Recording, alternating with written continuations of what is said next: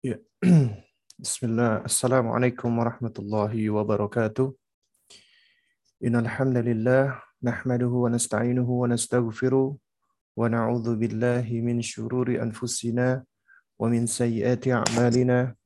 May yahdihillahu fahuwal muhtad wa may yudlil falan tajid lahu waliyyan mursyida. Asyhadu an la ilaha illallah wahdahu la syarika lah wa asyhadu anna Muhammadan abduhu wa rasuluh لا نبي بعده أما بعد فإن أصدق الكلام كلام الله وخير الهدي هدي محمد صلى الله عليه وعلى آله وسلم وشر الأمور محدثاتها وكل محدثة بدعة وكل بدعة ضلالة وكل ضلالة في النار. أما بعد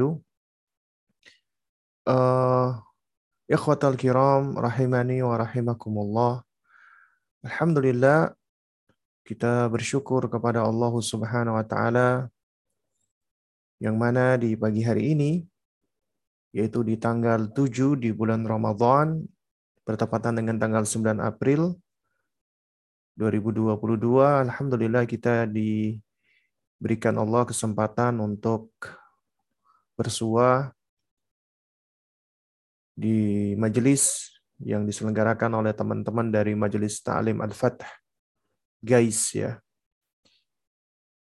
Dan insya Allah Ta'ala di pagi hari ini kita akan berbicara tentang bagaimana menjadi muslimah yang produktif di tengah Ramadan.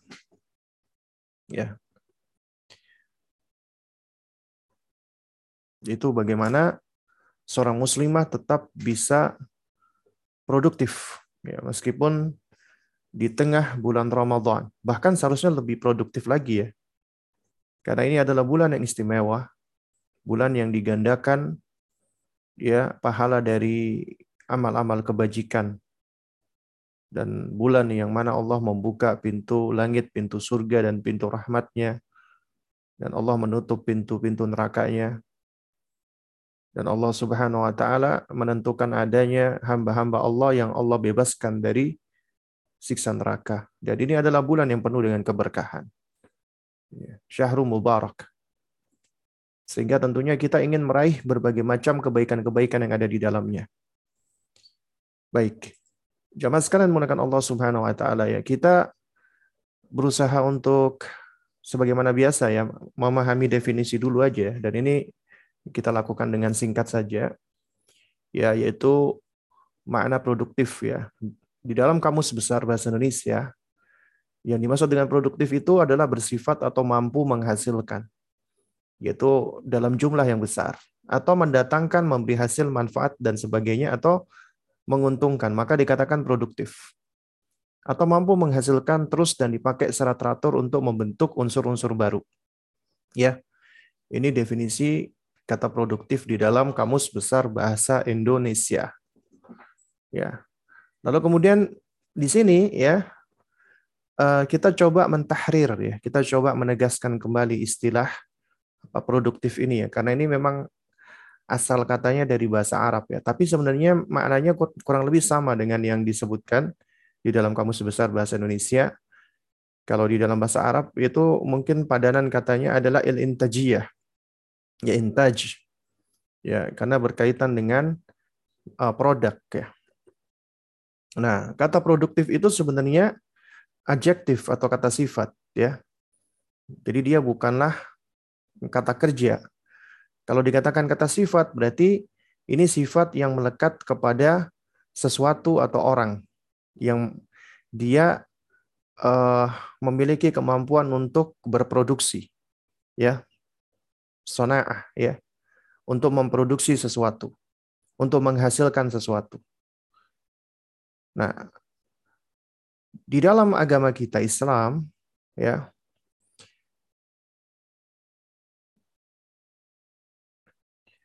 seorang muslim dia bisa uh, memproduksi sesuatu, entah itu kebaikan atau keburukan. Ya. Dalam bentuk amalan. Nah, kaidah yang kita pakai di dalam hal ini adalah hadis Nabi Shallallahu Alaihi Wasallam yaitu ihris ala ma yanfa'uka wasta'in billahi wala ta'jiz. Ihris bersemangatlah, antusiaslah Anda ala ma yanfa'uka, yaitu melakukan sesuatu yang bermanfaat bagimu. Ya. Semangat untuk melakukan hal yang bermanfaat bagi Anda. Apa-apa yang bermanfaat bagimu, maka bersemangatlah untuk engkau kerjakan. Wasta'in billah Kemudian minta tolonglah kepada Allah. Wala ta'jiz dan janganlah engkau bermalas-malasan. Hadis riwayat Imam Muslim. Nah, di sini kaidah ya al-hirs ya kaidah untuk uh, kita bisa bersemangat ya di dalam beramal adalah lakukan sesuatu yang mengandung manfaat atau yang bermanfaat. Ya, jadi kita hendaknya Kerjakan sesuatu yang bermanfaat. Dan kemudian beristianahlah, minta tolonglah kepada Allah Subhanahu wa taala.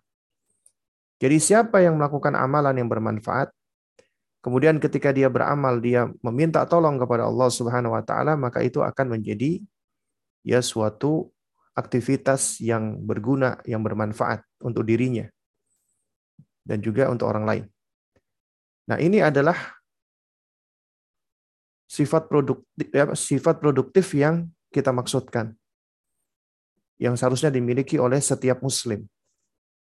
Nah, jadi sifat produktif sifat produktivitas seperti apa yang kita inginkan di dalam agama kita di dalam Islam ya. Nah, jadi konsepnya di sini adalah para ulama menerangkan bahwa setiap amal yang digunakan untuk bertakorup mendekatkan diri kepada Allah dan itu adalah amal soleh, itu sejatinya memiliki starting point, ya, memiliki permulaan, memiliki awal, dan itu adalah pijakan, ya, untuk berpijak, melangkah, dan juga pasti memiliki ya ujung, memiliki uh, apa namanya titik akhir, ya dari amalan tersebut. Oleh karena itu, setiap amal pasti memiliki hal ini, memiliki permulaan dan memiliki akhir. Karena amal itu makhluk ciptaan Allah. Allah menciptakan kita manusia dan juga menciptakan amalan kita. Ya, jadi amal atau perbuatan kita itu juga ciptaan Allah. Dan segala bentuk ciptaan pasti memiliki permulaan dan pasti memiliki akhir kecuali itu atribut atau sifat untuk Allah. Ya, maka Allah Azza wa Jalla memiliki sifat-sifat yang sesuai dengan kesempurnaannya berbeda dengan makhluknya. Dan itu tergantung dengan kehendak Allah. Adapun kita manusia, makhluk, kita diberikan kemampuan untuk beramal. Dan setiap amal itu pasti memiliki permulaan ada awalnya dan pasti ada ujungnya, ada akhirnya. Adapun amalnya seorang muslim, maka permulaannya adalah al-iman, beriman kepada Allah atau ikhlas atau niat. Ya, niat yang benar. Itu starting pointnya. Artinya sebelum dia melangkah, ya ini adalah yang menjadi uh, titik tolak dia beramal. Kemudian amal itu juga pasti memiliki ujung. Ada intihaul amal. Ada finish, garis finish dari amalan. Nah, seorang muslim garis finish amalnya adalah roja, berharap atau berikhtisab, mengharap balasan dari Allah Subhanahu wa taala. Dan ini adalah pendapat yang berlandaskan dengan sejumlah hadis-hadis Nabi yang mulia alaihi wasallam. Jadi para ulama ketika menentukan ini adalah berangkat dari tatabu wa istiqra. Yaitu dari penelitian dan juga dari uh, observasi terhadap dalil. Nah, di antara landasannya adalah kita lihat yang paling mudah adalah hadis ya tentang berpuasa di bulan Ramadan di mana Nabi yang mulia alaihi salatu wasallam bersabda, man shoma ramadhana imanan wa ihtisaban ghufira lahu taqaddama min dhanbihi. Atau tentang qiyamul lail, tentang tarawih, man qama ramadhana imanan wa ihtisaban ghufira lahu ma taqaddama min dhanbihi. Ya. Atau tentang salat di malam Lailatul Qadar. Man qama Lailatul Qadar ya imanan wa ihtisaban ghufira lahu ma taqaddama min dhanbihi. Siapa yang berpuasa di bulan Ramadan? Siapa yang salat malam di bulan Ramadan? Siapa yang salat malam di malam Lailatul Qadar? Nah, imanan, imanan ini adalah starting point-nya. Awalnya, landasan awalnya, imanan. Artinya dia melakukannya dengan penuh keimanan kepada Allah Subhanahu wa taala. Ya. Dengan keimanan kepada Allah wa Azza wa Jalla. Maka amalan yang diawali dengan keimanan, maka ini adalah amalan yang insya Allah menjadi salah satu amalan yang sudah memiliki separuh apa namanya dari amal soleh imanan. Ya.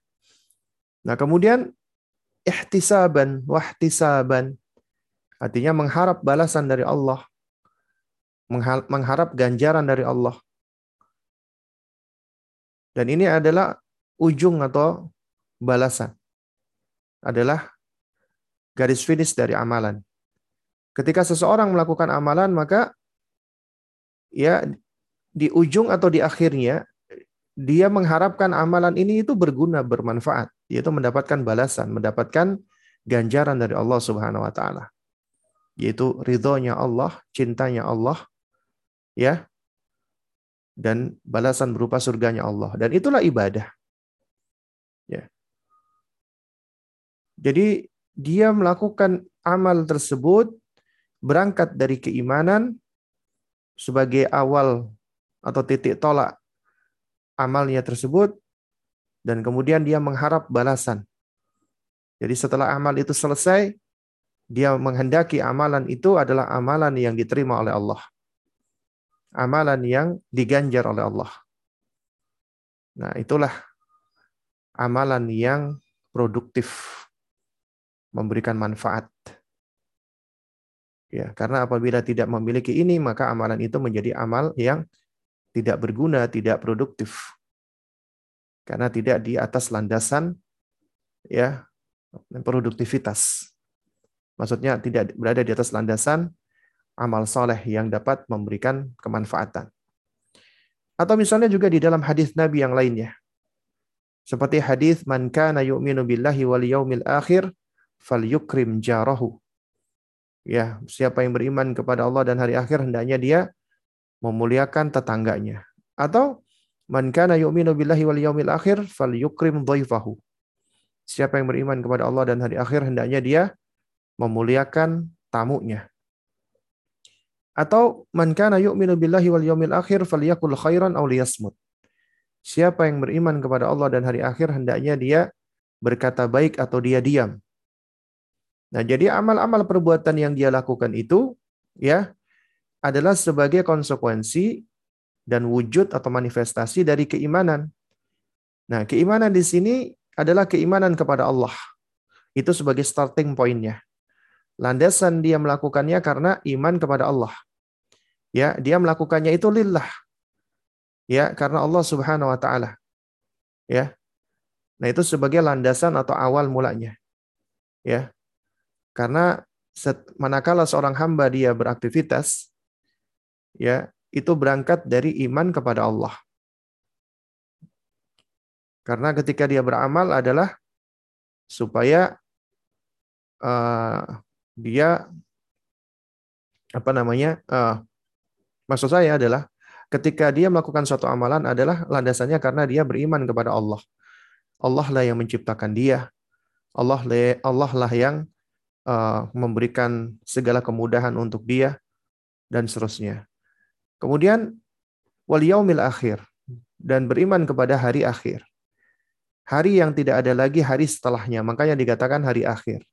Dan ini adalah hari pembalasan. Yaumul jaza. Ya, Dan ini adalah hari ya di mana manusia itu dihisap, yaitu yaumul hisab. Dan di hari inilah semua amal-amal manusia itu diganjar oleh Allah Subhanahu wa taala.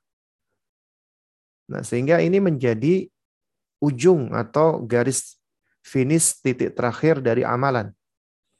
Dan orang yang mengimani hari akhir, maka dia mengharapkan agar amal yang dia kerjakan di hari akhir nanti ketika dihisap itu menjadi amal yang diterima dan menjadi amal yang diridhoi dan dicintai Allah. Sehingga dengan sebab amal itulah dia mendapatkan rahmat kasih sayang Allah dan kemudian dengan rahmat Allah itulah akhirnya dia dimasukkan ke dalam jannahnya Allah atau di dalam surganya Allah Subhanahu wa taala. Jadi setiap muslim atau mukmin yang dia beramal dengan keimanan kepada Allah dan hari akhir atau dengan keimanan dan juga mengharap balasan dari Allah karena balasan Allah yang paling utama adalah pada hari akhir ya maka sejatinya dia telah beramal dengan amal yang saleh, amal yang bermanfaat, amal yang berguna. Ya dan inilah produktivitas yang sebenarnya, yang sejati. Jadi kita di sini tidak berbicara makna produktivitas dalam makna yang eh, dalam makna yang sempit ya artinya hanya berkaitan dengan hal-hal kemaslahatan dunia karena kemaslahatan dunia itu adalah kemaslahatan sempit tapi kita di sini berbicara tentang produktivitas dalam hal kemaslahatan yang lebih panjang lagi kemaslahatan yang lebih abadi lagi ya yaitu ketika seseorang beramal dengan pondasi ini iman dan wahtisaban atau al-imanu billah wal yaumil akhir. Beriman kepada Allah dan beriman kepada hari akhir. Ya. Nah, ini adalah sifat produktivitas suatu amalan yang dilakukan oleh seorang hamba di dalam agama kita di dalam Islam. Ya. Karena itu siapa yang melakukan suatu amal tanpa dilandasi tanpa ada uh, apa namanya starting point yang mendorong dia ya apabila dia melakukannya bukan karena tidak tidak karena iman kepada Allah, niatnya tidak ikhlas, maka tentunya amalan tersebut adalah amalan yang tidak berguna. Ya. Sementara kalau dia juga melakukan amalan tersebut, dia tidak mengharapkan balasan dari Allah dan dia juga tidak mengharapkan ganjaran eh, dan juga dia tidak tidak memiliki roja harapan, maka itu adalah amalan-amalan yang kosong amalan-amalan yang hampa. Ya.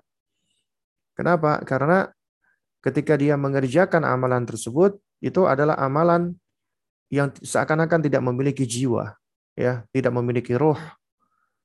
Karena amalan tersebut tidak dilan, tidak uh, memiliki tujuan. Tujuan akhirnya adalah meng, meng, apa, mendapatkan atau mengharapkan balasan dari Allah Subhanahu wa taala. Nah, nah sekarang kita pahami dulu ini sebelum kita bicara lebih lanjut tentang produktivitas ya di bulan Ramadan. Amalan itu ada dua macam, juga sebagaimana ibadah juga ada dua macam, yaitu amal qasir dan amal mutaaddi. Demikian pula ibadah, ibadah ada ibadah yang bersifat qasirah, ada yang bersifat mutaaddiyah. Apa maksudnya amal qasir? Ya ini saya pakai sot ya. Jadi SH ya. Jadi amal qasir maknanya adalah amal yang hanya bermanfaat untuk pelakunya saja. Jadi manfaatnya itu qasirun terbatas ya untuk uh, apa namanya li sahibi faqat kepada pelakunya saja. Seperti contohnya salat, puasa, umroh, haji, iktikaf, maka itu semua adalah amal-amal ibadah yang hanya bermanfaat untuk sang pelaku saja. Nah, tapi ini adalah bagian dari ibadah yang penting. Kenapa? Karena diri kita ini juga butuh. Butuh untuk mendapatkan kemanfaatan. Dan itu juga suatu hal yang menjadi pondasi. Karena kita diperintah untuk juga apa memperhatikan diri kita bahkan kita diperintah untuk mendahulukan diri kita. Ketika Allah Subhanahu wa taala misalnya berfirman ku anfusakum wa ahlikum nara. jagalah diri kalian dan keluarga kalian dari siksa neraka. Khitab perintah Allah yang pertama adalah kepada diri kita. Artinya kita haruslah ya mendahulukan diri kita di dalam segala bentuk kebaikan sebelum kita ya memperhatikan orang lain. Ya. Artinya kita harus memperhatikan diri kita. Kenapa? Karena diri kita adalah sesuatu entitas yang harus lebih dahulu diperhatikan karena ini juga amanat dari Allah. Ya, amanat yang paling dekat dengan diri kita adalah diri kita sendiri. Sebelum amanat-amanat yang lainnya. Ya, bahkan juga kalau kita perhatikan para nabi, para rasul ketika berdoa, ya itu selalu mereka menyebutkan pertama kali adalah untuk dirinya dulu. Ya, Rabbil firli wali walidayya. Ya doanya Nabi Ibrahim, doanya Nabi Nuh dan selainnya itu selalu diawali dengan ampuni aku ya Allah dan kemudian baru kedua orang tuaku. Ya, jadi harus menyebutkan dulu diri. Ya. Itu idealnya demikian ya, adabnya demikian karena diri ini juga lebih berhak untuk mendapatkan kebaikan-kebaikan yang kita harapkan bagi orang lain. Ya. Nah, siapa yang memperhatikan dirinya dengan di, dengan dia menganggap dirinya juga adalah karunia yang harus dijaga, amanat yang harus dipelihara, maka dia akan lebih mudah dan dimudahkan oleh Allah untuk bisa memperhatikan orang lain, kemaslahatan orang lain. Karena dia sudah menjaga kemaslahatan dirinya. Karena bukanlah otomatis dikatakan egois ya. Manakala seseorang dia memperhatikan dirinya maka dikatakan wah dia ini orang yang selfish, orang yang anania. Enggak, itu sangat jauh berbeda. Karena orang yang anania atau orang yang egois ya dia adalah orang yang sejatinya tidak mengenal dirinya atau dia orang yang tertipu dengan dirinya. Karena yang namanya sifat anania itu berangkat dari ya dari sifat ya al-jahilu bin nafsih dia bodoh atau tidak tahu tentang dirinya sendiri. Ya. Atau juga lantaran karena dia lebih mendahulukan uh, ajakan-ajakan hawa nafsunya atau emosinya atau perasaannya. Ya. Nah, oleh karena itu nggak sama antara orang-orang yang egois, selfish, anani dengan orang-orang yang memperhatikan dirinya. Ya. Seorang mukmin harus memperhatikan dirinya. Dan harus menempatkan dirinya itu juga sebagai sesuatu yang prioritas apabila itu berkaitan dengan kebaikan. Ya. Karenanya Allah memerintahkan kita di dalam sejumlah ibadah. Ibadah itu adalah kemanfaatannya untuk diri kita gitu loh. Dan itu sifatnya wajib. Salat wajib nggak? Wajib. Puasa wajib nggak? Wajib. Ya. Haji wajib nggak? Wajib. Ya. Dan sebagiannya adalah ibadah-ibadah nafilah. Ibadah ibadah ibadah sunnah. Karena ada sholat sunnah, ada puasa sunnah, kemudian iktikaf itu juga sunnah, tidak wajib. Kemudian umroh juga sunnah, ya, dan yang semisalnya. Nah, orang-orang yang melakukan amal-amal qasir, ya seperti ini, maka itu akan membentuk kesolihan pada dirinya. Dia menjadi pribadi yang saleh. Dia menjadi pribadi yang saleh biiznillah. Baru kemudian ada amal mutaaddi. Ibadah juga ada ibadah mutaaddiyah. Dikatakan amal mutaaddi adalah amalan yang ya yang tidak hanya ini afan ya, itu ada ada apa kekurangan ya, yaitu amalan yang tidak hanya bermanfaat untuk pelaku tapi juga untuk orang lain. Jadi manfaatnya meluas, makanya dikatakan mutaaddi. Jadi dia memiliki manfaat untuk diri dan meluas juga untuk orang lain. Dan kemanfaatan di dalam amalnya ini ya uh, kemanfaatannya meluas baik itu dalam hal ukhrawi ataupun dalam hal duniawi. Ya. Tapi apabila itu sifatnya manfaat meskipun itu duniawi itu juga sering kali adalah termasuk dari uh, ibadah apabila diniatkan dengan niat yang benar. Artinya dia akan bernilai ibadah. Ya. Nah, contoh misalnya amalan mutaaddi tapi yang bersifat ukhrawi adalah ad-da'wah, dakwatu ilallah. Ya. Atau amar ma'ruf nahi mungkar. Atau al-mau'idho atau nasihat. Atau menunjukkan kepada kebaikan, menunjukkan kepada kebenaran. Kemudian contoh amal mutaaddi yang sifatnya duniawi misalnya membantu orang dengan cara apa namanya memberi hutang misalnya ya. Atau kasih makan ya. Nah itu adalah amal-amal mutaaddi yang manfaatnya untuk diri dan juga untuk orang lain. Nah kata para ulama amal mutaaddi ini sebenarnya adalah amal yang lebih utama. Kenapa karena amal mutaaddi ini biasanya pahalanya akan senantiasa mengalir atau dia mendapatkan pahala ya lantaran dari amal yang dikerjakan oleh orang lain. Ya. Makanya dikatakan mutaaddi ya. Adapun amal qasir biasanya pahalanya terhenti setelah kita wafat. Tapi kalau amal mutaaddi sering kali pahalanya akan senantiasa mengalir. Dan orang-orang yang melakukan amal-amal mutaaddi atau ibadah mutaaddiyah, nah itu sering kali mereka tidak hanya soleh tapi muslih.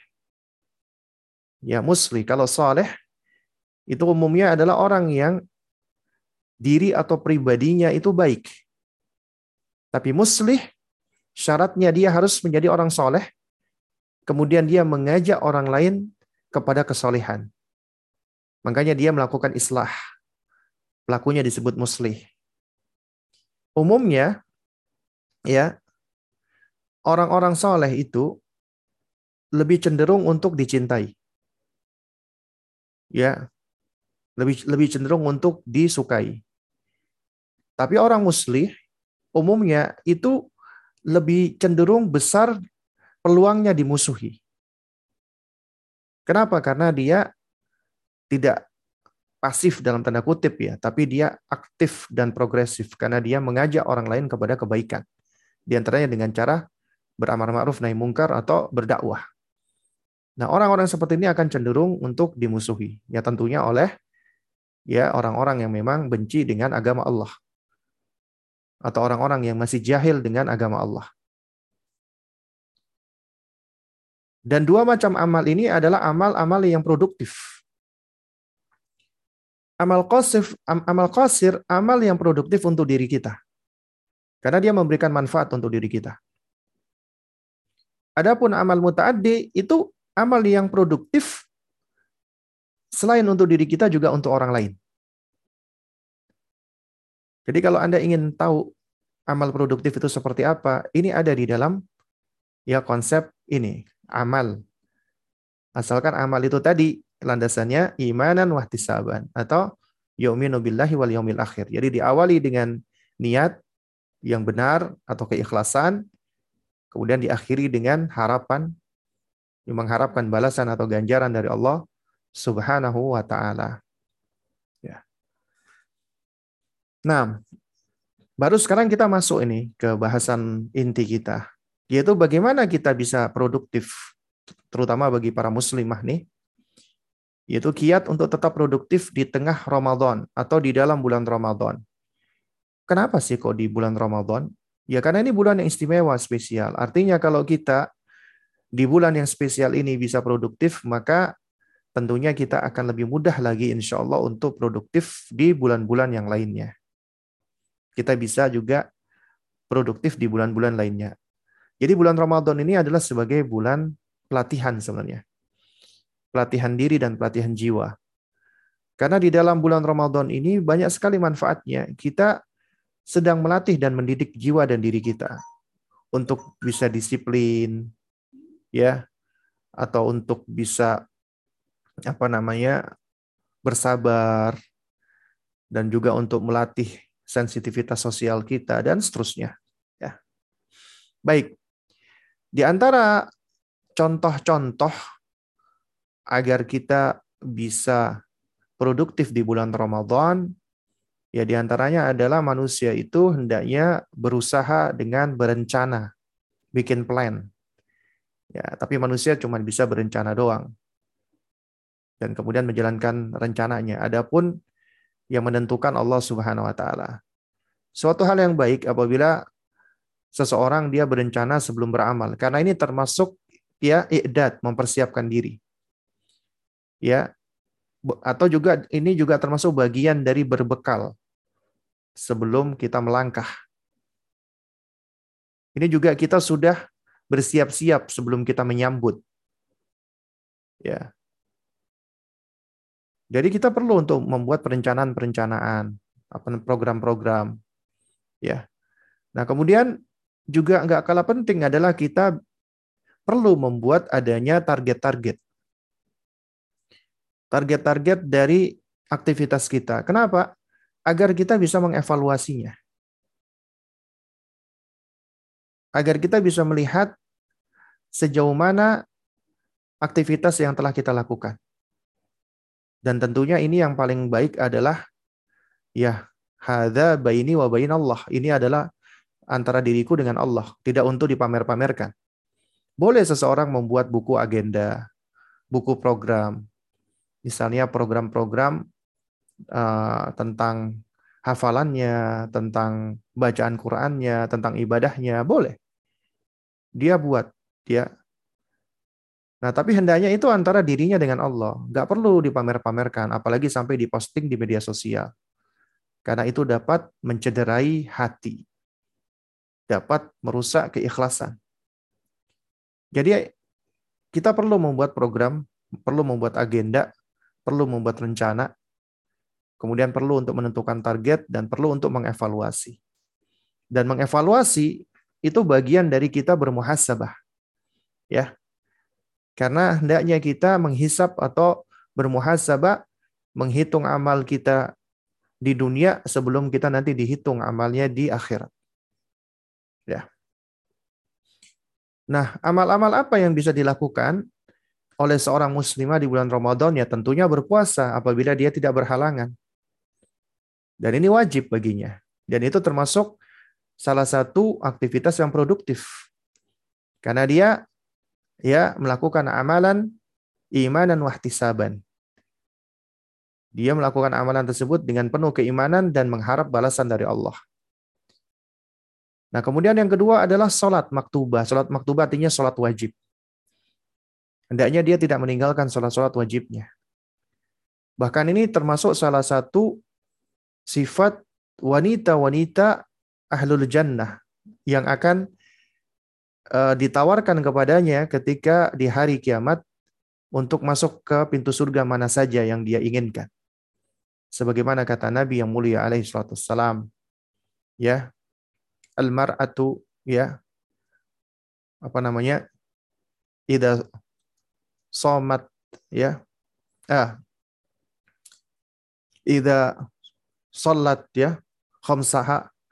Wanita apabila dia uh, salat lima waktu, ya, wasomat syahroha dan berpuasa selama sebulan di bulan Ramadan itu, ya, kemudian wahafidot farjaha, kemudian dia menjaga kesuciannya, wa ata'at zaujaha dan kemudian dia menaati suaminya, maka wakilalah fi yaumil qiyamah, maka akan dikatakan kepadanya di hari kiamat atau di hari akhir, ya udkhuli min abwabil jannati masyi'ti silakan engkau masuk dari pintu surga mana saja yang kamu inginkan. Dia diberikan pilihan.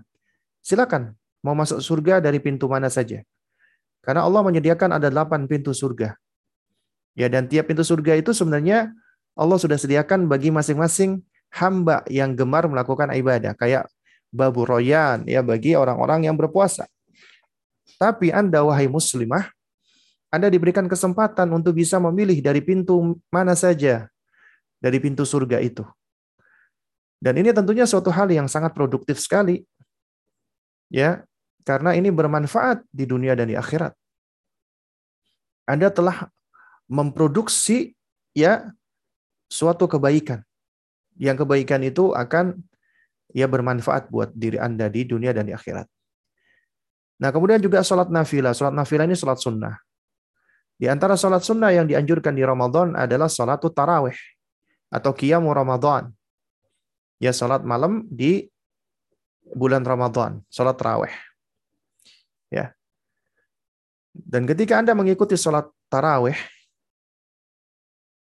ya entah itu jamaah di masjid atau Anda sholat di rumah, sholat di rumah itu tentunya lebih utama.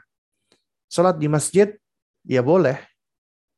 Dan juga itu punya fadilah juga sebenarnya yaitu uh, Anda mendapatkan fadilah salat jamaah tapi tentunya salatnya wanita di rumah lebih utama ya nah itu juga merupakan produktivitas yang bisa Anda lakukan ya. kemudian Anda juga bisa sholat sunnah lainnya seperti sholat sunnah rawatib qobliyah ba'diyah sholat duha misalnya nah jadi kalau bisa di bulan Ramadan ini selain sholat maktubah, kita menambah sholat-sholat nafilah yang lainnya. Ya, kita menambah sholat-sholat sunnah yang lainnya. Yang tadinya kita biasanya hanya sholat duha, maka sekarang kita mulai menambah dengan sholat sunnah rawatib misalnya. Qobliyah dan ba'diyah. Ya. Dan juga diperbolehkan kita sholat tahajud lagi. Ya, asalkan apabila kita sudah witir di saat taraweh, maka hendaknya kita tidak witir lagi, tidak mengulangi witir lagi. Itu juga suatu hal yang diperbolehkan. Menurut pendapat yang lebih kuat. Nah, kemudian juga di antara amal produktivitas yang lainnya adalah karena ini bulan Quran, Syahrul Quran, bulan istimewa di mana Allah menurunkan Al-Quran pertama kali di bulan ini, dan juga di bulan ini pula ya malaikat Jibril alaihissalam turun kepada Nabi dan memurojaah Al-Quran. Sehingga ini adalah bulan Al-Quran. Dan para salaf ketika masuk bulan Ramadan ini, mereka menutup usaha-usaha mereka, toko-toko mereka. Dan mereka sibuk. Di antara kesibukan mereka adalah mereka membaca Al-Quran. Sehingga mereka bisa menghatamkan Al-Quran beberapa kali. Ya, Karenanya, gunakan waktu Anda untuk bertilawah Al-Quran buat program, buat agenda untuk membaca Al-Quran. Agar kita bisa menghatamkan Al-Quran setidaknya sekali saja di bulan Ramadan. Kalau bisa lebih tentunya lebih baik lagi. Ya. Karena ini bulan Quran, maka hendaknya kita isi dengan tilawatul Quran. Atau juga boleh kita istimak, kita nyetel murotal ya. Tapi bukan cuma sekedar kita setel, tapi juga kita simak misalnya.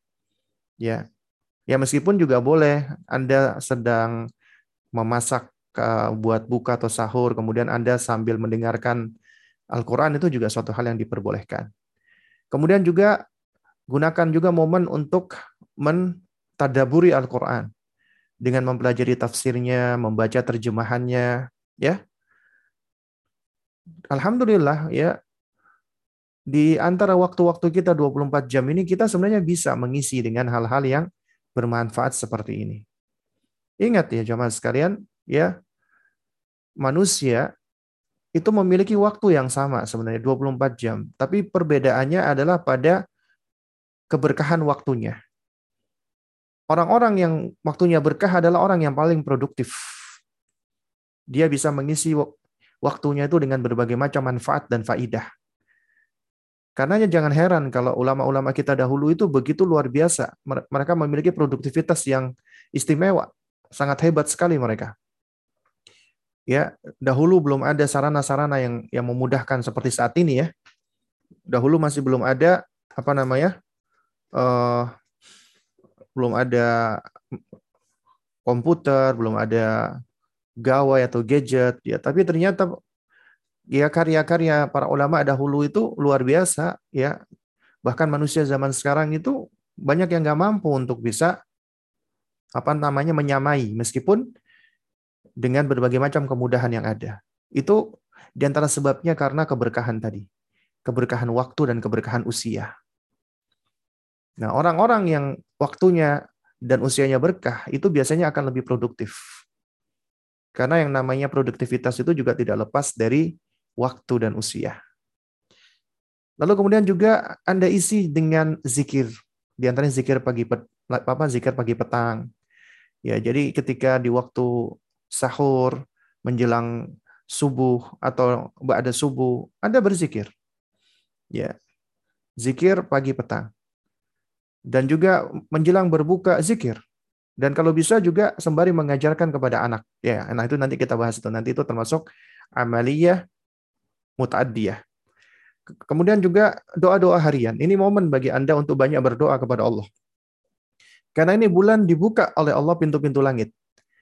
Kalau pintu langit dibuka, ya, maka tentunya eh, doa-doa yang kita langitkan itu akan langsung menembus ya. Artinya nggak ada lagi penghalang-penghalangnya ya. Jadi tidak perlu lagi melewati pintu-pintu karena pintu-pintunya dibuka semuanya ya.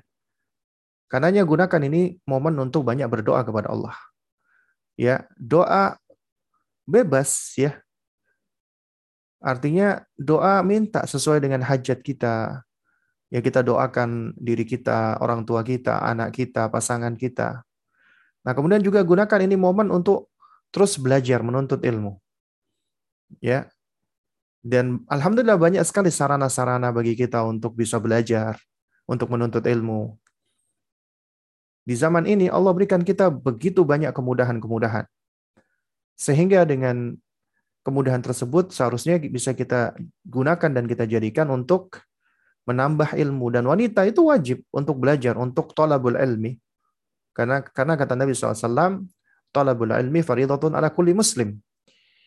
Menuntut ilmu itu wajib atas setiap muslim. Adapun lafadz yang mengatakan wa muslimatin itu adalah hadis yang doif ya hadis yang yang nggak valid ada tambahannya. Karena makna menuntut ilmu wajib atas setiap muslim ya Kata kullu muslimin ini adalah juga mencakup ya semua muslim yang dikategorikan sebagai muslim ya baik itu laki-laki atau wanita, baik itu tua atau muda, maka wajib untuk menuntut ilmu. Nah, untuk menuntut ilmu ini alhamdulillah bisa dengan berbagai macam cara di zaman ini. Kalau ada majelis yang bisa dihadiri, maka hadir kalau misalnya majelis-majelis online ya maka hendaknya kita ikuti ya tapi yang perlu kita pahami adalah hendaknya seorang penuntut ilmu dia bisa memilah-milah ya terutama memilah-milah prioritas dan waktunya jangan sampai karena terlalu semangat akhirnya semua diikuti ini banyak ini fenomena teman-teman yang baru hijrah baru belajar Kemudian karena banyak kelas-kelas atau grup-grup online, baik dari WA atau yang lainnya, diikuti semuanya. Ketika dia ikuti semua, akhirnya dia nggak mampu. Karena kita punya keterbatasan. Ya, dia ikuti kelas ini, dia ikuti kelas itu, dia ikuti ini dan itu.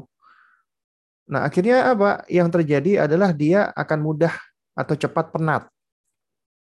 Ya, dia cepat letih. Kalau sudah penat dan letih, akan besar kemungkinannya untuk dia berhenti. Lebih baik cari satu atau dua, tapi fokus menyelesaikan. Ya, setelah selesai baru kita bisa berpindah ke yang lainnya. Itu lebih baik ya. Ya. Atau kita bisa mengatur waktu dengan me, me, apa namanya? selang-selingnya, ya tanawu. Oh, misalnya di hari Senin ini ada kelasnya Ustadz Fulan membahas kutayib ini oh besoknya ada kelasnya Ustadz Fulan membahas kutaib. Nah itu itu boleh bisa. Jangan sampai dalam satu hari itu ada kelasnya Ustadz Fulan, ada kelasnya Fulan dan Fulan, diikutin semua. Nah ini biasanya akan menyebabkan apa? Menyebabkan kita ya belajar itu kesulitan gitu loh, ya. Kita akan uh, apa namanya? Kita akan letih bahkan ya, ya. Nah, makanya apa namanya nasihat para ulama kita adalah man ramal ilma jumlatan dhahaba an ya, jumlatan. Ya. Siapa yang berusaha untuk mengambil ilmu secara sekaligus, maka akan hilang pula apa secara sekaligus itu. Karena ilmu itu berat ya jamaah, sakil ya. Makanya kita harus mengambilnya pelan-pelan sedikit demi sedikit. Jangan langsung kita mengambilnya sekaligus banyak gitu. Itu malah akan memberatkan diri kita. Kemudian amaliyah muta'adiyah. Nah, amaliyah muta'adiyah ini juga banyak sebenarnya. Dan ini adalah bagaimana kita berusaha untuk menggunakan momen dalam rangka mengisi tabungan kita istilahnya. Tabungan yang uh, dapat mengalirkan pahala bagi kita. Nah, di antaranya dengan kita bersedekah. Jadikanlah bulan Ramadan itu bulan kita bersedekah. Sedekah yang paling baik adalah sedekah dari harta kita yang kita peroleh dari tangan kita. Bagi wanita, boleh dia bersedekah dengan harta yang dia miliki meskipun harta itu adalah pemberian. Suami ketika memberi kepada istrinya uang, maka pemberian suami itu adalah ya pemberian untuk dirinya. Suami berkewajiban untuk memberikan nafkah. Ketika suami ngasih uang, ya sebagai bentuk nafkah, maka itu berarti uang tersebut, harta tersebut sudah sudah berubah kepemilikannya. Yang tadinya milik suami sekarang menjadi milik istri.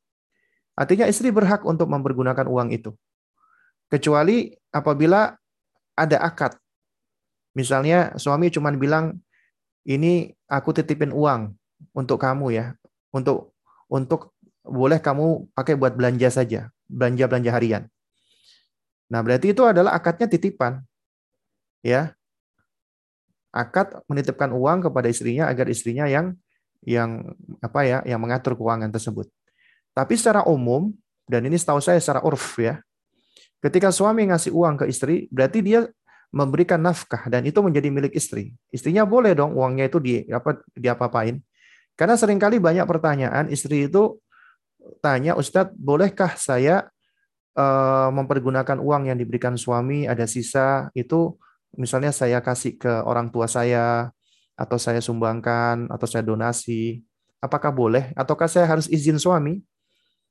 Ya.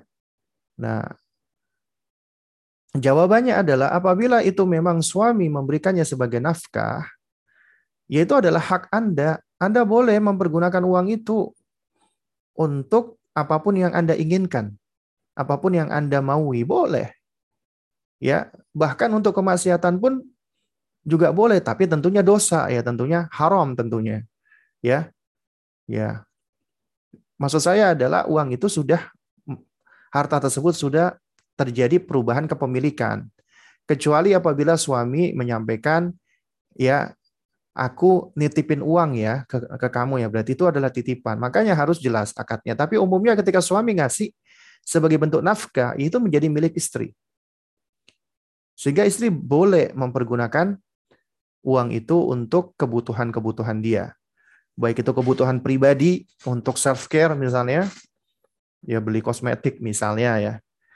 Ya, atau dia dia gunakan untuk misalnya uh, apa untuk dikirimkan ke orang tuanya atau yang semisalnya. Nah, makanya seorang wanita muslimah yang mulia adalah dia bisa mengatur dan memanage ya apa kebaikan-kebaikan itu menjadi hal-hal yang bermanfaat dan berguna baginya di dunia dan di akhirat.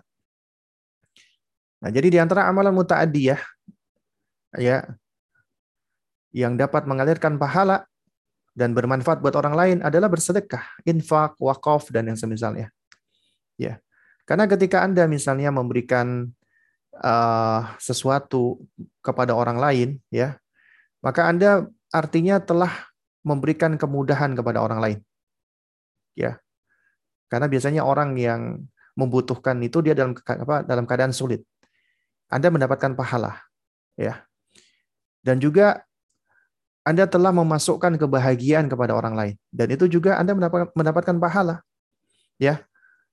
Jadi amal amaliyah muta'addiyah ini ya adalah amaliyah yang manfaatnya meluas kepada orang lain. Juga termasuk misalnya Anda menghutangkan atau memberikan hutang kepada orang atau Anda melunasi hutang orang lain, atau Anda mengikhlaskan hutang orang lain yang dia kesulitan nggak bisa uh, membayar hutangnya, yang dia pernah berhutang dengan kita, itu termasuk amalia muta'adiyah. Nah, kemudian yang nggak kalah penting lagi, amalia muta'adiyah adalah yang berkaitan dengan peran Anda, wahai para ummahat, wahai para ibu. Anda memiliki peran yang luar biasa. Anda adalah makhluk-makhluk spesial yang Allah pilih sebagai salah satu pilar ya kebaikan suatu peradaban. Karena Anda adalah madrasatul ulah, Anda adalah sekolah pertama. Ya.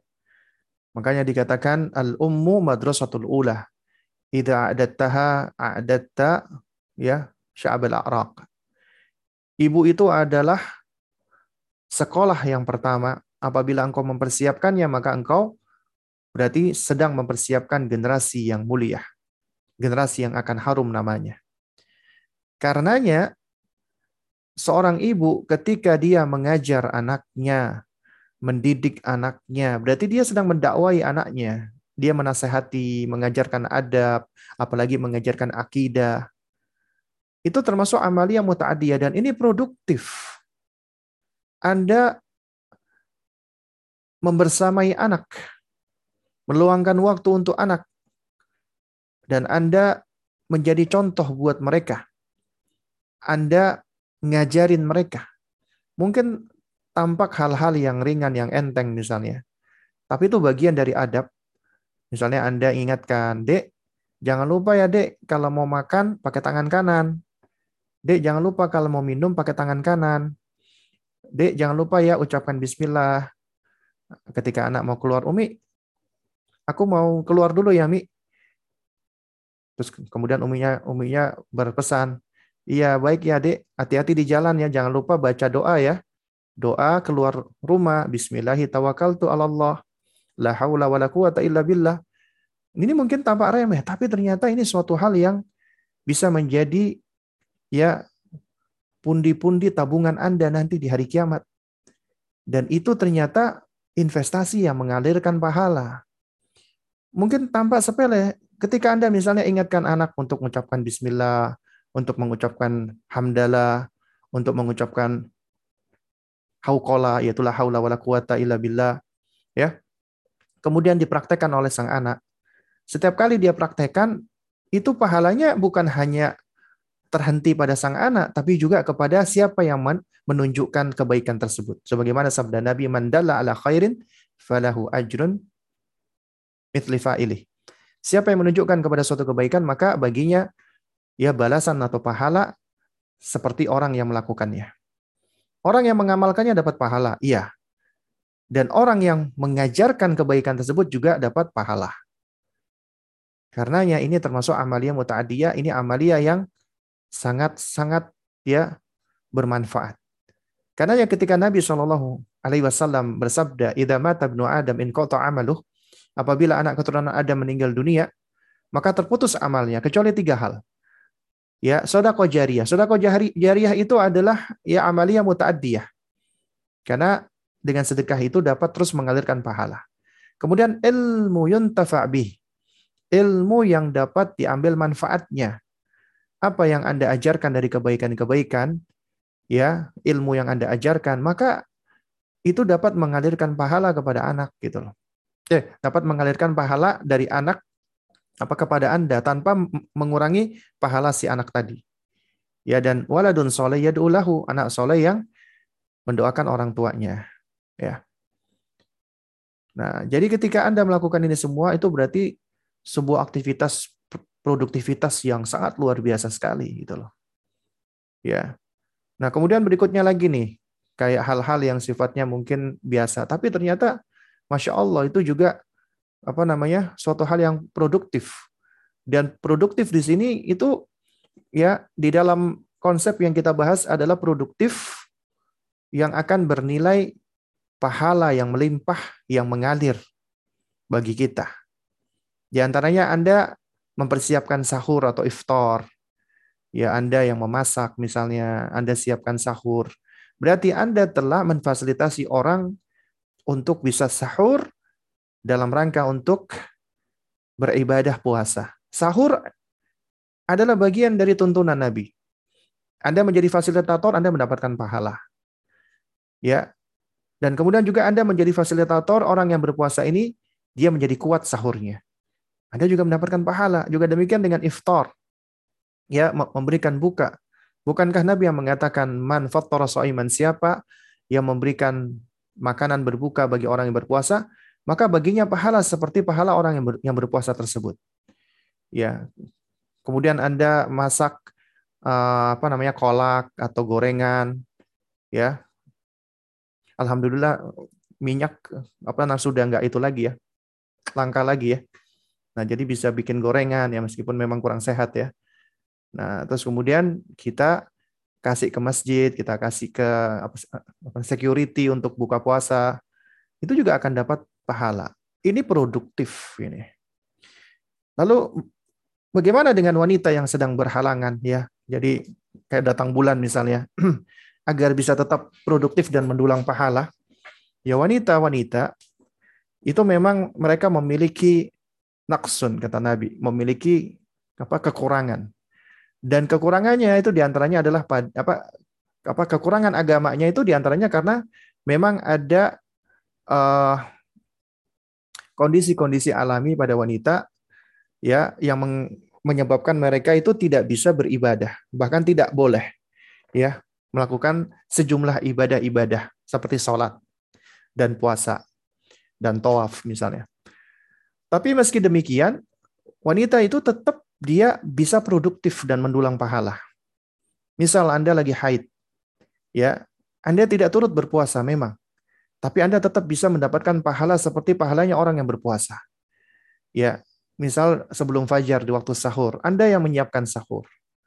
Anda membangunkan anak untuk sahur. Kemudian ketika bangun Anda ajarkan anak untuk berdoa. Doa bangun tidur, doa apa namanya uh, mengucapkan basmalah ketika akan makan, kemudian mengajarkan doa doa apa saja yang dipanjatkan di waktu yang istimewa yaitu waktu sahur. Nah, kemudian setelah itu Anda dorong mereka untuk sholat subuh berjamaah. Kemudian setelah itu Anda ajarkan zikir pagi. Masya Allah, itu berapa banyak pahala-pahala yang sudah Anda Anda raih. Meskipun Anda sedang haid. Kemudian ketika sudah masuk waktu duha pagi, sampai siang, sampai sore.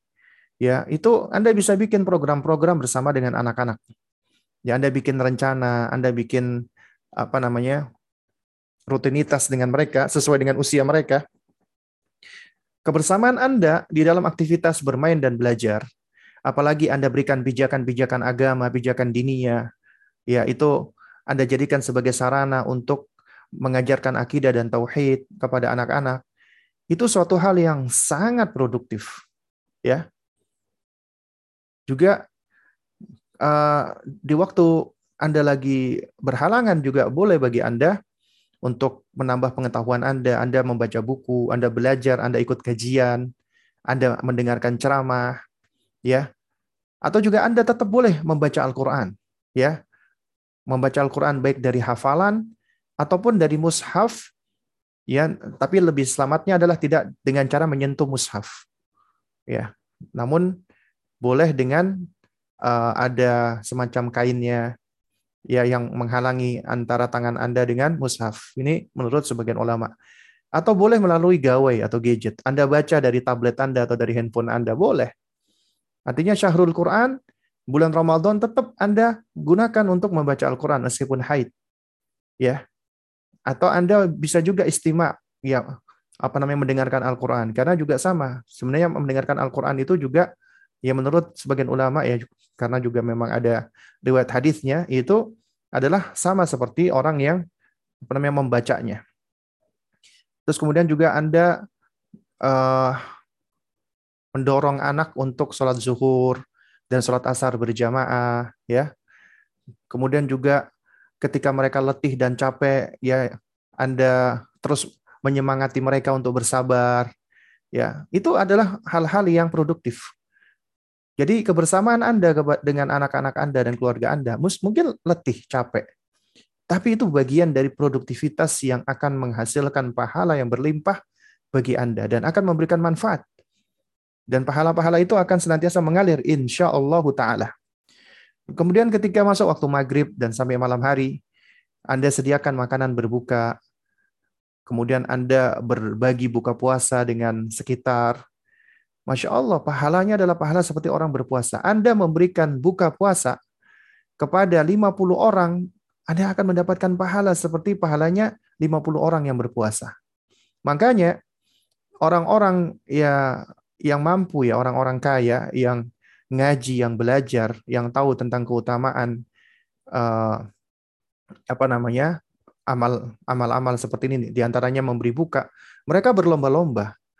Makanya ketika anda mungkin pernah ikut ya atau afan anda mungkin pernah umroh di bulan Ramadan di sana itu orang-orang ya orang-orang Saudi mereka tuh berlomba-lomba mereka menyediakan kurma menyediakan makanan dan bahkan jamaah ya yang umroh yang yang sedang berada di Masjid Nabawi atau di Masjidil Haram, ya itu seakan-akan kayak kayak ditarik-tarik mereka dipaksa, ayo ayo ayo. Jadi apa namanya supaya ikut dengan mereka itu. Karena mereka tahu ini pahalanya besar dan mereka sedang sedang seakan-akan sedang berebut pahala. Yaitu di antaranya pahala puasa. Ya. Dan mungkin bisa jadi nih ada seorang yang sudah tua, udah jompo, nggak bisa berpuasa sehingga dia harus membayar fidyah.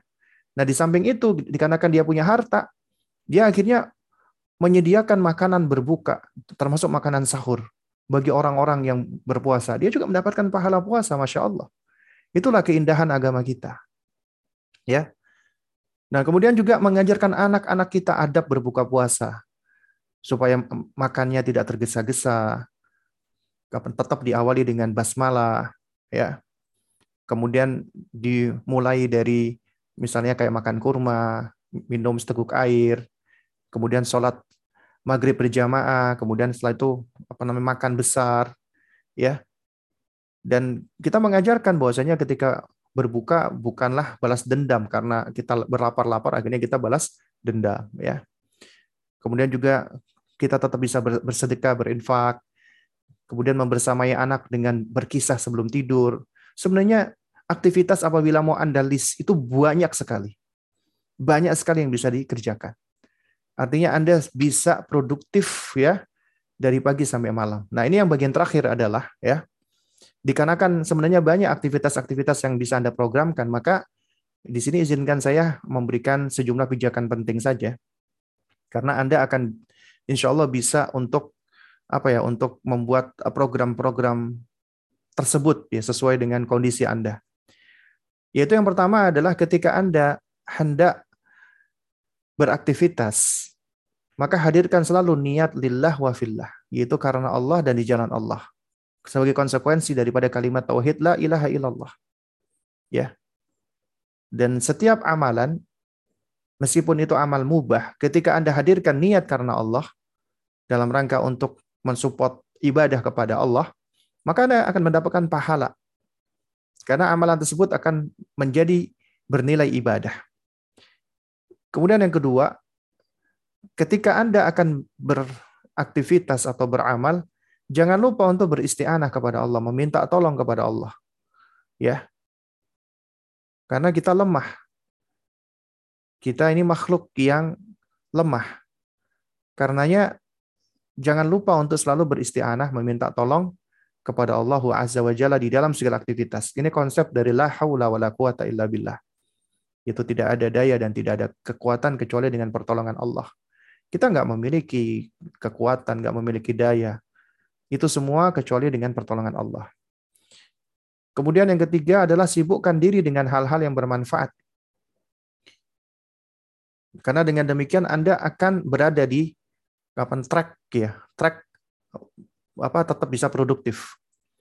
Karena ya uh, nafsuka in ashghalat habil haqqi wa illa ya istaghalat kabil batil. Jiwa Anda atau diri Anda apabila tidak sibuk dengan kebenaran, dengan kebaikan, dengan hal-hal bermanfaat, maka niscaya akan disibukkan dengan kebatilan, dengan hal-hal yang sia-sia atau hal-hal yang berbahaya. Karena ya kita sibukkan diri kita dengan hal-hal yang bermanfaat. Dan ini adalah termasuk salah satu tanda indikasi ke, apa kebaikan Islam kita sebagaimana sabda Nabi min husni islamil mar'i tarkuhu malayani. Di antara tanda kebaikan seorang muslim adalah dia meninggalkan apa yang tidak bermanfaat baginya. Lalu kemudian di dalam segala amal-amal kebajikan, kebaikan, maka ibda binafsik. mulailah dari dirimu sendiri. Ya. Jadi kita mulai dari diri. Ya. Karena dengan kita memulai dari diri kita, insya Allah kita akan bisa menjadi teladan. Makanya dikatakan, jadilah Anda teladan. Kun kudwatan, kun uswatan. Ya, tapi yang baik ya, teladan yang baik. Ya. Dan keteladanan ini adalah dengan cara nabda'u bi anfusina. Kemudian terus bersemangat dan antusias. Terus pupuk semangat tersebut. Semangat ini akan muncul manakala Anda selalu menghadirkan roja dan harap kepada Allah. Bahwasanya apa yang Anda lakukan ini adalah Allah yang akan mengganjarnya.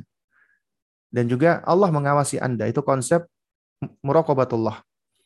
Jadi ihris ala ma yanfa'uka. Bersemangatlah apa mengamalkan apa-apa yang bermanfaat untukmu. Kemudian terus berusaha dan berikhtiar. Dia terus melangkah, terus berjalan, Jangan berhenti. Ya karena siapa yang terus berusaha, insya Allah dia akan sampai kepada tujuannya. Mansara ala darbi wasalah. Siapa yang berjalan di atas jalannya, maka dia akan sampai, dia akan tiba. Biiznillah. Kemudian yang nggak kalah penting lagi, bersabar. Ya, terus bersabar. Sabar di dalam melaksanakan ketaatan, sabar di dalam meninggalkan keburukan, sabar di dalam menghadapi kesulitan. Dan sabar kunci kesuksesan. Man sabara. Siapa yang sabar, dia akan beruntung. Kemudian yang terakhir adalah berdoa kepada Allah. Minta kepada Allah. Ya, agar Allah Subhanahu wa taala ya mengikhlaskan hati kita. Agar Allah Subhanahu wa taala memudahkan semua langkah-langkah dan amal kita. Agar Allah Subhanahu wa taala mengistiqomahkan kita. Agar Allah Subhanahu wa taala menerima semua amal-amal ibadah kita. Dan Allah Subhanahu wa taala yang memerintahkan kepada kita ud'uni, mintalah kepadaku langsung. Astajib lakum, maka aku akan penuhi permintaan kalian. Itu janji Allah. Pasti Allah akan penuhi, cepat ataupun lambat. Ya, ini adalah di antara pijakan-pijakan penting. Nah, jadi dengan demikian mudah-mudahan yang sedikit ini bisa memberikan manfaat. Ya, jadi alhamdulillah. Ya. Uh, berikutnya kita akan buka sesi tanya jawab ya hingga kurang lebih 20 menit apa ke depan ini sudah pukul 9 karena saya pukul setengah 10 ada jadwal lain ya. Nah, uh, silakan yang ingin bertanya bisa via chat atau raise hand. Ya silakan ini yang sudah raise hand. Ibu Carmila. nah. Ya, mungkin bisa dibantu hostnya untuk Ah, bisa. Ya. Assalamualaikum Ustaz. Waalaikumsalam warahmatullahi wabarakatuh. Nah, barakallahu fiik Ustaz. Uh, pertanyaan Fik saya. Tadi sempat dibahas tentang yang uh, menjadi manusia yang solih. Terus uh, tadi uh, saya sempat uh, ketinggalan bedanya antara orang yang solih dengan mencintai diri sendiri yang ujung-ujungnya jadi orang yang selfish, Ustaz bagaimana uh, orang yang soleh mencintai diri kemudian menjadi orang yang selfish? Oh, uh, bukan Ustaz. Tadi kan dibahas tentang menjadi orang yang soleh, mm-hmm. mencintai diri. Cuma sekarang kan seringnya orang itu mencintai diri, namun ujung-ujungnya menjadi orang yang selfish. Oh, uh, tentang mencintai diri tapi ujung-ujungnya menjadi orang yang selfish. Nah, baik. Jadi mencintai diri itu suatu hal yang penting. Bahkan juga dituntut. Dan itu buah dari pengenalan diri, yaitu self-knowledge atau ma'rifatul zat. Karena seseorang yang mencintai dirinya, dia akan berupaya untuk menjadikan dirinya itu berada di berada di tempat-tempat yang mulia. Berada di tempat-tempat yang baik. Dia nggak ridho dirinya berada di tempat-tempat yang buruk di tempat-tempat yang rendah dan hina. Sehingga dengan kecintaan terhadap diri inilah akhirnya dia dia berupaya agar dirinya berada di atas kebaikan-kebaikan. Karena dia yakin tentang konsepsi yang yang apa ya, yang telah dia pahami dari agamanya yaitu dari Islam yaitu man amila solihan fali nafsihi. Siapa yang beramal soleh adalah untuk dirinya sendiri. Kebaikan itu adalah untuk dirinya sendiri. Dan dia mencintai dirinya karena dirinya adalah ciptaan Allah. Allah Allah menciptakan dirinya. Dan ciptaan Allah itu adalah titipan. Ya, amanat yang harus dijaga. Seluruh apa yang ada di dalam di dalam diri kita ini adalah amanat yang harus kita pelihara dan harus kita jaga. Jangan sampai apa yang ada di dalam diri kita itu mendapatkan kemurkaan dari Allah. Itu hakikat kecintaan diri dari konsep agama kita Islam. Ya tentunya tidak sama dengan konsep mencintai diri dari orang-orang non-muslim atau orang-orang kafir yang mereka cenderung uh, memiliki apa konsep madiyah, konsep materialistis. Ya. Karena apa? Karena mereka berangkat bahwasanya uh, entah mereka tidak meyakini adanya pencipta sehingga mereka menganggap diri mereka adalah entitas yang paling hebat luar biasa di universe ya di alam semesta atau mereka menganggap bahwasanya diri mereka ya meskipun mereka meyakini adanya Tuhan, tapi mereka menghinakan diri mereka dengan apa ya? Dengan apa namanya? menyembah atau mengabdi kepada ya sesembahan sesembahan selain Allah dan itu adalah termasuk menghinakan diri. Menghinakan diri berarti dia menunjukkan tidak mencintai diri sendiri. Nah, adapun orang yang selfish, orang yang anania, orang yang egois, atau orang yang narsis juga ya karena biasanya dikatakan orang yang narsis oh ini orang yang cinta diri orang yang egois orang yang cinta diri sebenarnya itu kurang tepat ya karena orang yang egois orang yang narsis itu adalah orang yang sebenarnya disorientasi diri orang yang orang yang jahilu binafsi orang yang bodoh tentang dirinya sendiri sehingga mereka tertipu mereka adalah orang yang magrur orang yang orang yang tertipu dengan diri ya orang yang tertipu dengan diri karena mereka nggak mengenal diri mereka. Karena pengetahuan mereka, konsep pemahaman mereka tentang diri mereka tidak berangkat di atas dasar ilmu yang benar. Kaum muslimin, konsep pengenalan diri mereka itu diawali dengan berusaha mengenali penciptanya. Ma'rifatul Rabb, ma'rifatullah. Nah, dengan mengawali dari mengenal Allah itulah yang akan membangun konsep kita lebih mampu untuk memahami diri kita. Jadi kurang lebihnya seperti itu. Dan ini sebenarnya sudah pernah dibahas. Nah, ya, untuk detailnya mungkin bisa di search di YouTube ya baik di di channel saya ataupun di channel teman-teman Mujahada Parents Project atau selainnya. Di situ ada konsep tentang uh, apa namanya mencintai diri atau mengenal diri. Nah, ya silakan Bu Elwina. Assalamualaikum warahmatullahi wabarakatuh, Ustaz. Ya, Waalaikumsalam warahmatullahi wabarakatuh jazakallah khairan atas ilmunya hari ini. Ustadz tadi kan disebutkan uh, setiap kali kita mengerjakan sesuatu, niat itu sangat penting. Sebentar. Niat itu sangat penting, uh, namun sering kali kita sebagai ibu rumah tangga dalam mengerjakan tugas domestik ataupun mengajarkan anak-anak uh, sering otomatis gitu Ustadz, karena jadi bagian dari rutinitas. Jadi kita lupa berniat gitu. Apakah boleh kita berdoa minta Allah tetap jadikan itu pahala dan apakah ada doa khusus misalnya kita lupa berniat seperti itu. Jazakallah khairan. Nah, untuk wa jazakillah khairan. Nah, ya barakallahu fik ya. Memang niat itu adalah suatu hal yang menentukan ya dan mendeterminasi suatu amal.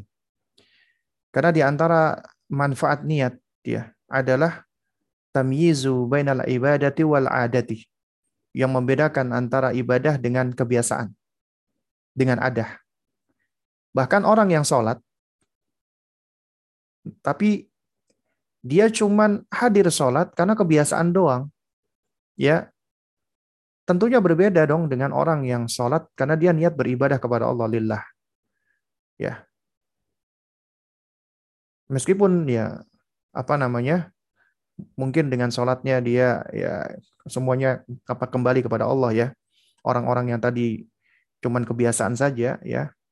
Itu sholatnya mungkin memang apa ya bukanlah sholat, apa bukanlah sholat yang ber, berkualitas tapi ya itu jauh lebih mending daripada orang yang tidak sholat ya. Tapi tentunya berbeda antara orang yang sholat ya dengan niat ibadah yang udah dia hadirkan dari awal dengan orang yang cuma sholat karena memang udah kebiasaan dia otomatis melakukannya ya nah demikian pula dengan orang yang melakukan amalan mubah. Misalnya dia masak. Ya. Nah, ketika dia masak dia cuma sekedar masak, ya itu mubah. Ya amalan mubah berarti dikerjakan nggak berdosa, nggak berpahala, ditinggalkan nggak berdosa, nggak berpahala meskipun ada suatu ada suatu hal yang dapat menyebabkan apa yang dia lakukan itu bisa mendatangkan pahala atau bahasa atau bahkan bisa mendatangkan dosa.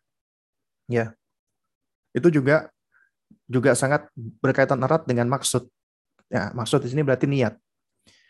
Nah, jadi apabila seseorang memasak niatnya adalah uh, untuk apa namanya untuk ibadah dia hadirkan ya supaya dia kuat beribadah supaya anak-anaknya itu bisa sehat supaya bisa menjadi hamba-hamba yang soleh maka Allah akan ganjar. Niatnya diganjar oleh Allah dan juga amalnya akan diganjar oleh Allah sebagai bernilai ibadah. Lalu bagaimana kalau misalnya karena kita udah kebiasaan nih kita lupa menghadirkan niat? Ya dalam kondisi seperti ini ya bisa kita lakukan yang pertama ya apabila kita lupa di tengah jalan, lalu kemudian kita ingat, maka kita boleh meminta berdoa kepada Allah, berharap kepada Allah, ya Allah, ya sesungguhnya aku niatkan ya apa yang aku lakukan tadi adalah untukmu ya Allah, maka jadikanlah amalku tadi adalah amalan yang bermanfaat dan amalan yang bernilai ibadah. Boleh kita minta kepada Allah. Ya. Terus kemudian yang kedua ya adalah sebagaimana aktivitas-aktivitas yang biasa kita lakukan ya di dalam urusan domestik itu menjadi sebuah kebiasaan, maka demikian pula kita harus belajar untuk membiasakan diri menghadirkan niat di dalam aktivitas-aktivitas kita. Sehingga itu menjadi suatu hal yang apa namanya rutinitas ya. Menjadi adah bagi kita, menjadi kebiasaan bagi kita, tapi kebiasaan yang baik yaitu kita selalu menghadirkan niat ketika melakukan sesuatu. Dan ini adalah orang-orang yang luar biasa. Kenapa? Karena setiap kali dia melakukan sesuatu, dia selalu aware berarti dia menghadirkan niat. Ya, dia tahu apa yang dia lakukan. Nah, nah inilah yang apa namanya yang mendasari kualitas amalan atau aktivitas seseorang. Di antaranya apa? Itu tadi strong why istilahnya ya. Ya jadi uh, apa namanya? Apa yang mendasari dia melakukan itu? Nah, itu itu di antara yang bisa dilakukan. Kemudian yang terakhir yang apa nah ketiga adalah ya kita tetap terus ya berusaha untuk bisa istiqomah ya di antaranya dengan kita memperbanyak doa kepada Allah Subhanahu wa taala. Ya. Agar Allah senantiasa apa namanya membimbing kita dan menjadikan semua aktivitas kita adalah aktivitas yang bermanfaat dan aktivitas yang produktif bisa mengalirkan pahala untuk kita. Nah, Allah Ya, sekarang saya jawab dulu pertanyaan yang masuk di chat ya. Di sini ada pertanyaan dari Ummu Nizam Bondowoso. Oh, Masya Allah. Ustadz, apa Ramadanku kali ini tidak seperti Ramadan kemarin. Sekarang saya punya bayi. Alhamdulillah usianya 6 bulan. Barakallahu fiqh ya. Dan anak 4 tahun. Saya sibuk sekali mengurusi anak dan rumah tangga. Sedih sekali rasanya. Suami kurang respect dan perhatian dengan saya, apalagi suami saya sibuk kalau Ramadan dengan aktivitas sosialnya di masjid. Ya kegiatan iftar dan baksos. Alhamdulillah saya diberikan kekuatan untuk berpuasa walaupun lagi menyusui. Di saat malam saya sudah lelah, saya tidak terawih. Baca Al-Quran pun jarang. Dan akhir-akhir ini saya rasanya lelah sering menangis. Ingin sekali Ramadanku produktif. Mohon solusi, doa, dan semangatnya Ustaz. Ya na'am barakallahu fiqh. Wahai Anda para ummahat, wahai Anda para ibu, yang Allah karuniakan Anda bayi yang masih kecil, yang membutuhkan apa namanya perhatian Anda. Sesungguhnya kesibukan Anda ketika Anda membersamai mereka itu bisa bernilai ibadah. Karena Anda sedang menjaga amanat Allah. Anda sedang membersamai makhluk Allah yang Allah titipkan kepada Anda. Karena itu, Ya, jadikanlah apa yang Anda lakukan itu karena Allah, untuk Allah dan berazam, bertekad di dalam diri untuk berusaha menjadikan anak ini adalah anak-anak yang akan menjadi anak yang soleh, yang senang beribadah kepada Allah. Kita belajar dari Ibunda Hana yang beliau menazarkan anak yang ada di dalam perutnya agar bisa menjadi muharrarah. Ya, yakni hamba Allah yang senantiasa beribadah di mihrab di mihrab ya di zaman itu. Maka demikian pula Ketika Anda menyusui ya anak Anda, ya Anda letih, Anda capek. Jadikan letih dan capek Anda itu berpahala. Karena manusia itu capek, letih. semakin capek, semakin letih, maka itu menunjukkan kita semakin butuh pertolongan Allah. Maka minta tolonglah kepada Allah. Minta tolong kepada Allah ibadah. Allah akan berikan pahala dan Allah akan berikan Anda pertolongan. Lalu kemudian ketika Anda menyusui anak Anda, membersamai anak Anda, ya, terus hadirkan niat ya dengan penuh kasih sayang Anda apa namanya Anda menjaga dia, ya. Hadirkan niat ya uh, agar anak ini Anda harapkan bisa menjadi anak yang soleh.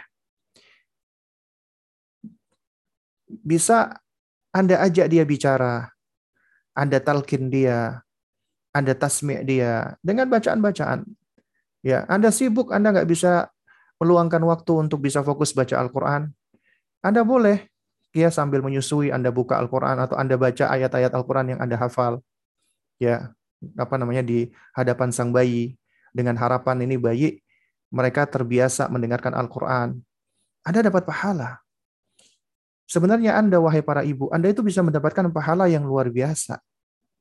Ya, luar biasa pahalanya. Bahkan bisa jadi lebih besar daripada para suami yang cuek sama istrinya, sibuk dengan urusannya meskipun itu kaitannya dengan urusan sosial. Bisa jadi. Ya. Nah, oleh karena itu Ya, hadirkan di dalam diri Anda pertama husnudzon terhadap Allah. Kemudian tumbuhkan roja mengharap. Ya, mengharap balasan dari Allah, pahala dari Allah. Semua kesulitan Anda pasti akan Allah berikan kemudahan. Dan pasti akan Allah ganjar apabila Anda melewatinya dengan kesabaran. Dan tidak mengapa Anda menangis, Anda bermunajat kepada Allah dengan menangis, ya Anda menunjukkan kelemahan diri Anda karena memang kita lemah di hadapan Allah. Itu bagus. Tapi di balik itu semua Anda memohon agar Allah memberikan kepada Anda kekuatan. Agar Allah menolong Anda. Tidak ada yang bisa menolong Anda, memberikan Anda kekuatan kecuali Allah. Menangislah di hadapan Allah, nggak apa-apa. Ya, tunjukkan betapa kita ini lemah di hadapan Allah.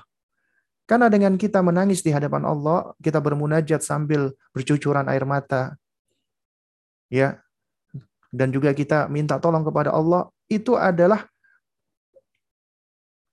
reinforcement yang paling kuat. Cara kita untuk mengumpulkan kekuatan yang paling kuat. Insya Allah Allah akan menolong dan membantu kita. Ya. Dan ini adalah bagian dari upaya-upaya Anda tetap bisa apa produktif. Terus kemudian upayakan di setiap waktu lisan kita berzikir kepada Allah. Mulai dari istighfar, bertahmid, bertakbir, bertasbih. Ya. Agar lisan kita terbiasa menyebut menyebut-nyebut kebaikan dan itu didengarkan oleh anak kita. Itu juga menjadi hal yang apa namanya produktif. Ya. Terus kemudian Anda menghadapi suami, hadirkan kesabaran ya dan dukung suami. Tunjukkan dukungan Anda. Karena ketika Anda mendukung suami, ketika suami melakukan aktivitas-aktivitas kebaikan, insya Allah Anda juga akan mendapatkan pahalanya. Karena suami Anda sedang melakukan aktivitas kebaikan. Sembari Anda juga berusaha untuk mengingatkan pelan-pelan agar uh, supaya suami bisa membantu dan menolong. Tapi tentunya ya satu-satunya yang bisa menolong dan dan membantu kita bukan suami sebenarnya, tapi Allah Subhanahu wa taala. Nah, lalu kemudian pertanyaan berikutnya. Semoga Ustadz dan keluarga oke. Okay. Izin bertanya Ustadz, bagaimana jika selama bulan Ramadan membantu orang tua menghatamkan Al-Qur'an? Mohon nasihatnya agar tetap produktif. Eh, Bagaimana jika selama bulan Ramadan membantu orang tua membuat kue kering sehingga tidak bisa menghatamkan Al-Quran. Mohon nasihatnya Ustadz agar tetap produktif. Ya, jadi pertama ketika Anda membantu orang tua Anda, orang tua Anda punya usaha misalnya, dan itu bagian dari upaya uh, orang tua untuk uh, mencari maisha, mencari penghidupan. Maka ketika Anda Anda niatkan Anda membantu orang tua, itu termasuk birul walidain. Birul walidain itu juga termasuk ibadah. Allah ganjar dengan pahala Birul walidain itu Allah sebutkan di dalam Al-Qur'an itu selalu setelah setelah perintah bertauhid kepada Allah. Karena itu hadirkan Anda melakukan ini adalah dalam rangka berbakti kepada orang tua. Anda melakukan ini adalah karena melaksanakan perintah Allah untuk berbakti kepada orang tua. Anda dapat pahala, dapat pahala, insya Allah. Ya. Nah, terus kemudian yang kedua, ya sesibuk-sibuknya kita tetap kita bisa ya mencuri-curi waktu dalam tanda kutip ya untuk tetap bisa kita membaca Al-Qur'an ya. Ya, yang penting hadirkan dulu niat di dalam diri kita, tekad yang kuat. Aku ingin menghatamkan Al-Qur'an. Insya Allah Allah akan berikan kemudahan sesibuk-sibuknya kita. Ya, Allah akan berikan apa kemudahan. Dan kita bisa menghatamkan Al-Qur'an misalnya sembari kita bikin kue misalnya, kemudian kita sambil menyimak Al-Qur'an. Ya, atau misalnya uh, apa ya misalnya ketika kita bikin kue toh setahu saya bikin kue kan nggak nggak sampai 24 jam kan atau nggak atau nggak sampai dari pagi sampai malam kan biasanya seperti orang kantoran orang kerja ya itu biasanya ada jam-jam sibuk dan ada jam-jam yang tidak sibuk maka gunakanlah jam-jam yang tidak sibuk itu ya untuk tetap bisa apa namanya produktif jadi kembalinya adalah kepada diri kita masing-masing Bagaimana kita berusaha menghadirkan tekad dan niat yang kuat. Imanan wahtisaban. Dengan dasar keimanan dan kemudian mengharap balasan dari Allah. Insya Allah Allah akan berikan kemudahan-kemudahan. Kemudian pertanyaan yang terakhir ya, karena ini saya ada jadwal lain setelah ini. Apakah benar mendengarkan musik bisa mengurangi pahala puasa, pahala di bulan Ramadan? Bagaimana jika tidak sengaja mendengarnya Ustadz? dan kita tidak bisa pergi di tempat yang di dalamnya ada musik yang di apa ya uh, kita tidak bisa pergi dari tempat yang di dalamnya ada musik tersebut syukran jazakumullah khair ya nah mendengarkan musik dengan sengaja itu bisa mengurangi pahala puasa benar bisa mengurangi kualitas puasa kita benar dan kita juga bisa berdosa benar karena kita telah bermaksiat kepada Allah tapi kalau itu kita sengaja Makanya Ibnu Taimiyah rahimahullahu taala membedakan antara sima dengan istima. Sima dengan istima. Sima itu sekedar dengar. Istima itu mendengar dengan fokus, konsentrasi, menyimak. Ya. Karena yang Al-Qur'an itu harus disimak. Ya, artinya harus menyimak Al-Qur'an, mendengar dengan seksama. Makanya Allah ketika memerintahkan tentang Al-Qur'an ya, Faida kuri al-Qur'anu fastami'u lahu. Ya, apabila dibacakan Al-Qur'an maka istimaklah, simaklah dengan seksama. Ya. Jadi harus menyimak. Bukan cuma sekedar simak, bukan cuma sekedar mendengar. Bedanya begini, seperti saat ini ya, di apa di dalam kajian ini, ada di antara Anda yang istimak, ada di antara Anda yang simak. Di antara Anda yang istimak, Anda duduk di depan laptop atau di depan gawai anda pakai headset, Anda siapkan catatan, Anda fokus berusaha mendengarkan. Itu istimak. Nah, tapi ada juga yang cuma sekedar nyetel, kemudian dia melakukan aktivitas lain. Ngobrol lah, dia pergi, balik lagi. Itu namanya simak, cuma sekedar mendengar doang. Nah, tentunya istimak dengan simak itu beda. Istimak itulah yang akan ya membentuk al-faham, membentuk husnul faham. Jadi husnul faham itu min husnil istima. Jadi apa pemahaman yang baik itu berasal dari uh, menyimak dengan baik. Ya. Nah, juga demikian ketika berkaitan dengan hal-hal yang maksiat. Ya, seperti musik misalnya. Maka kita nggak boleh istima, kita nggak boleh sengaja mendengarkannya. Kalau misalnya di tempat itu ada suara musik. Nah, tapi tetap kita nggak bisa menghindar kan? Nah, berarti kalau kita nggak bisa menghindar, berarti itu simak. Ya, jadi sesuatu yang kita dengar, kita nggak bisa menghindar. Nah, selama kita tidak menikmatinya, kita tidak menyengaja mendengarkannya, kita tidak menyimaknya, dan kita tidak apa taladzuz ya taladzuz itu artinya kita bernikmat-nikmat dengannya, tidak enjoy dengannya, maka kita tidak berdosa. Insya Allah.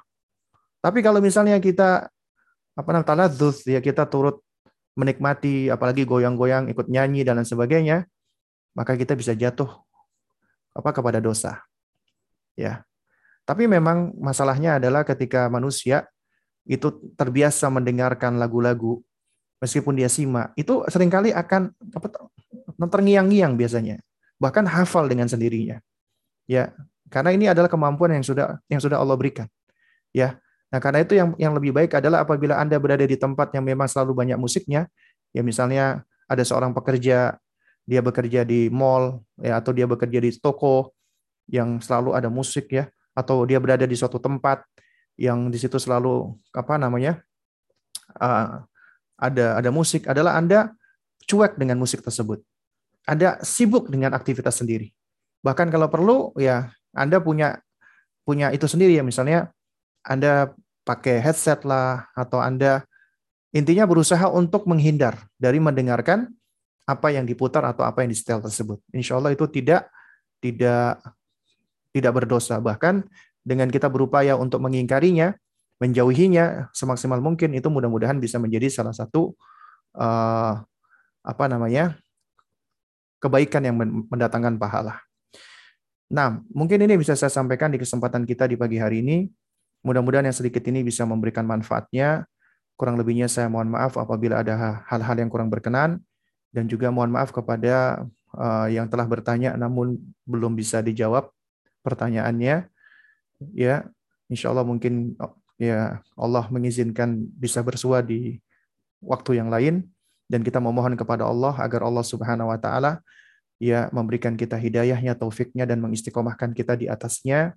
Dan Allah menjadikan semua amalan-amalan kita itu amalan-amalan yang produktif ya lillah karena Allah dan mengharapkan balasan Allah ya dan juga semoga Allah Subhanahu wa taala memudahkan semua urusan kita, memberikan kita kesehatan dan kita dapat uh, mengisi bulan-bulan eh, kita dapat mengisi momen-momen di bulan Ramadan ini dengan kebaikan-kebaikan dan kita pun uh, diizinkan Allah ya sampai hingga ke penghujung Ramadan dalam keadaan sehat walafiat.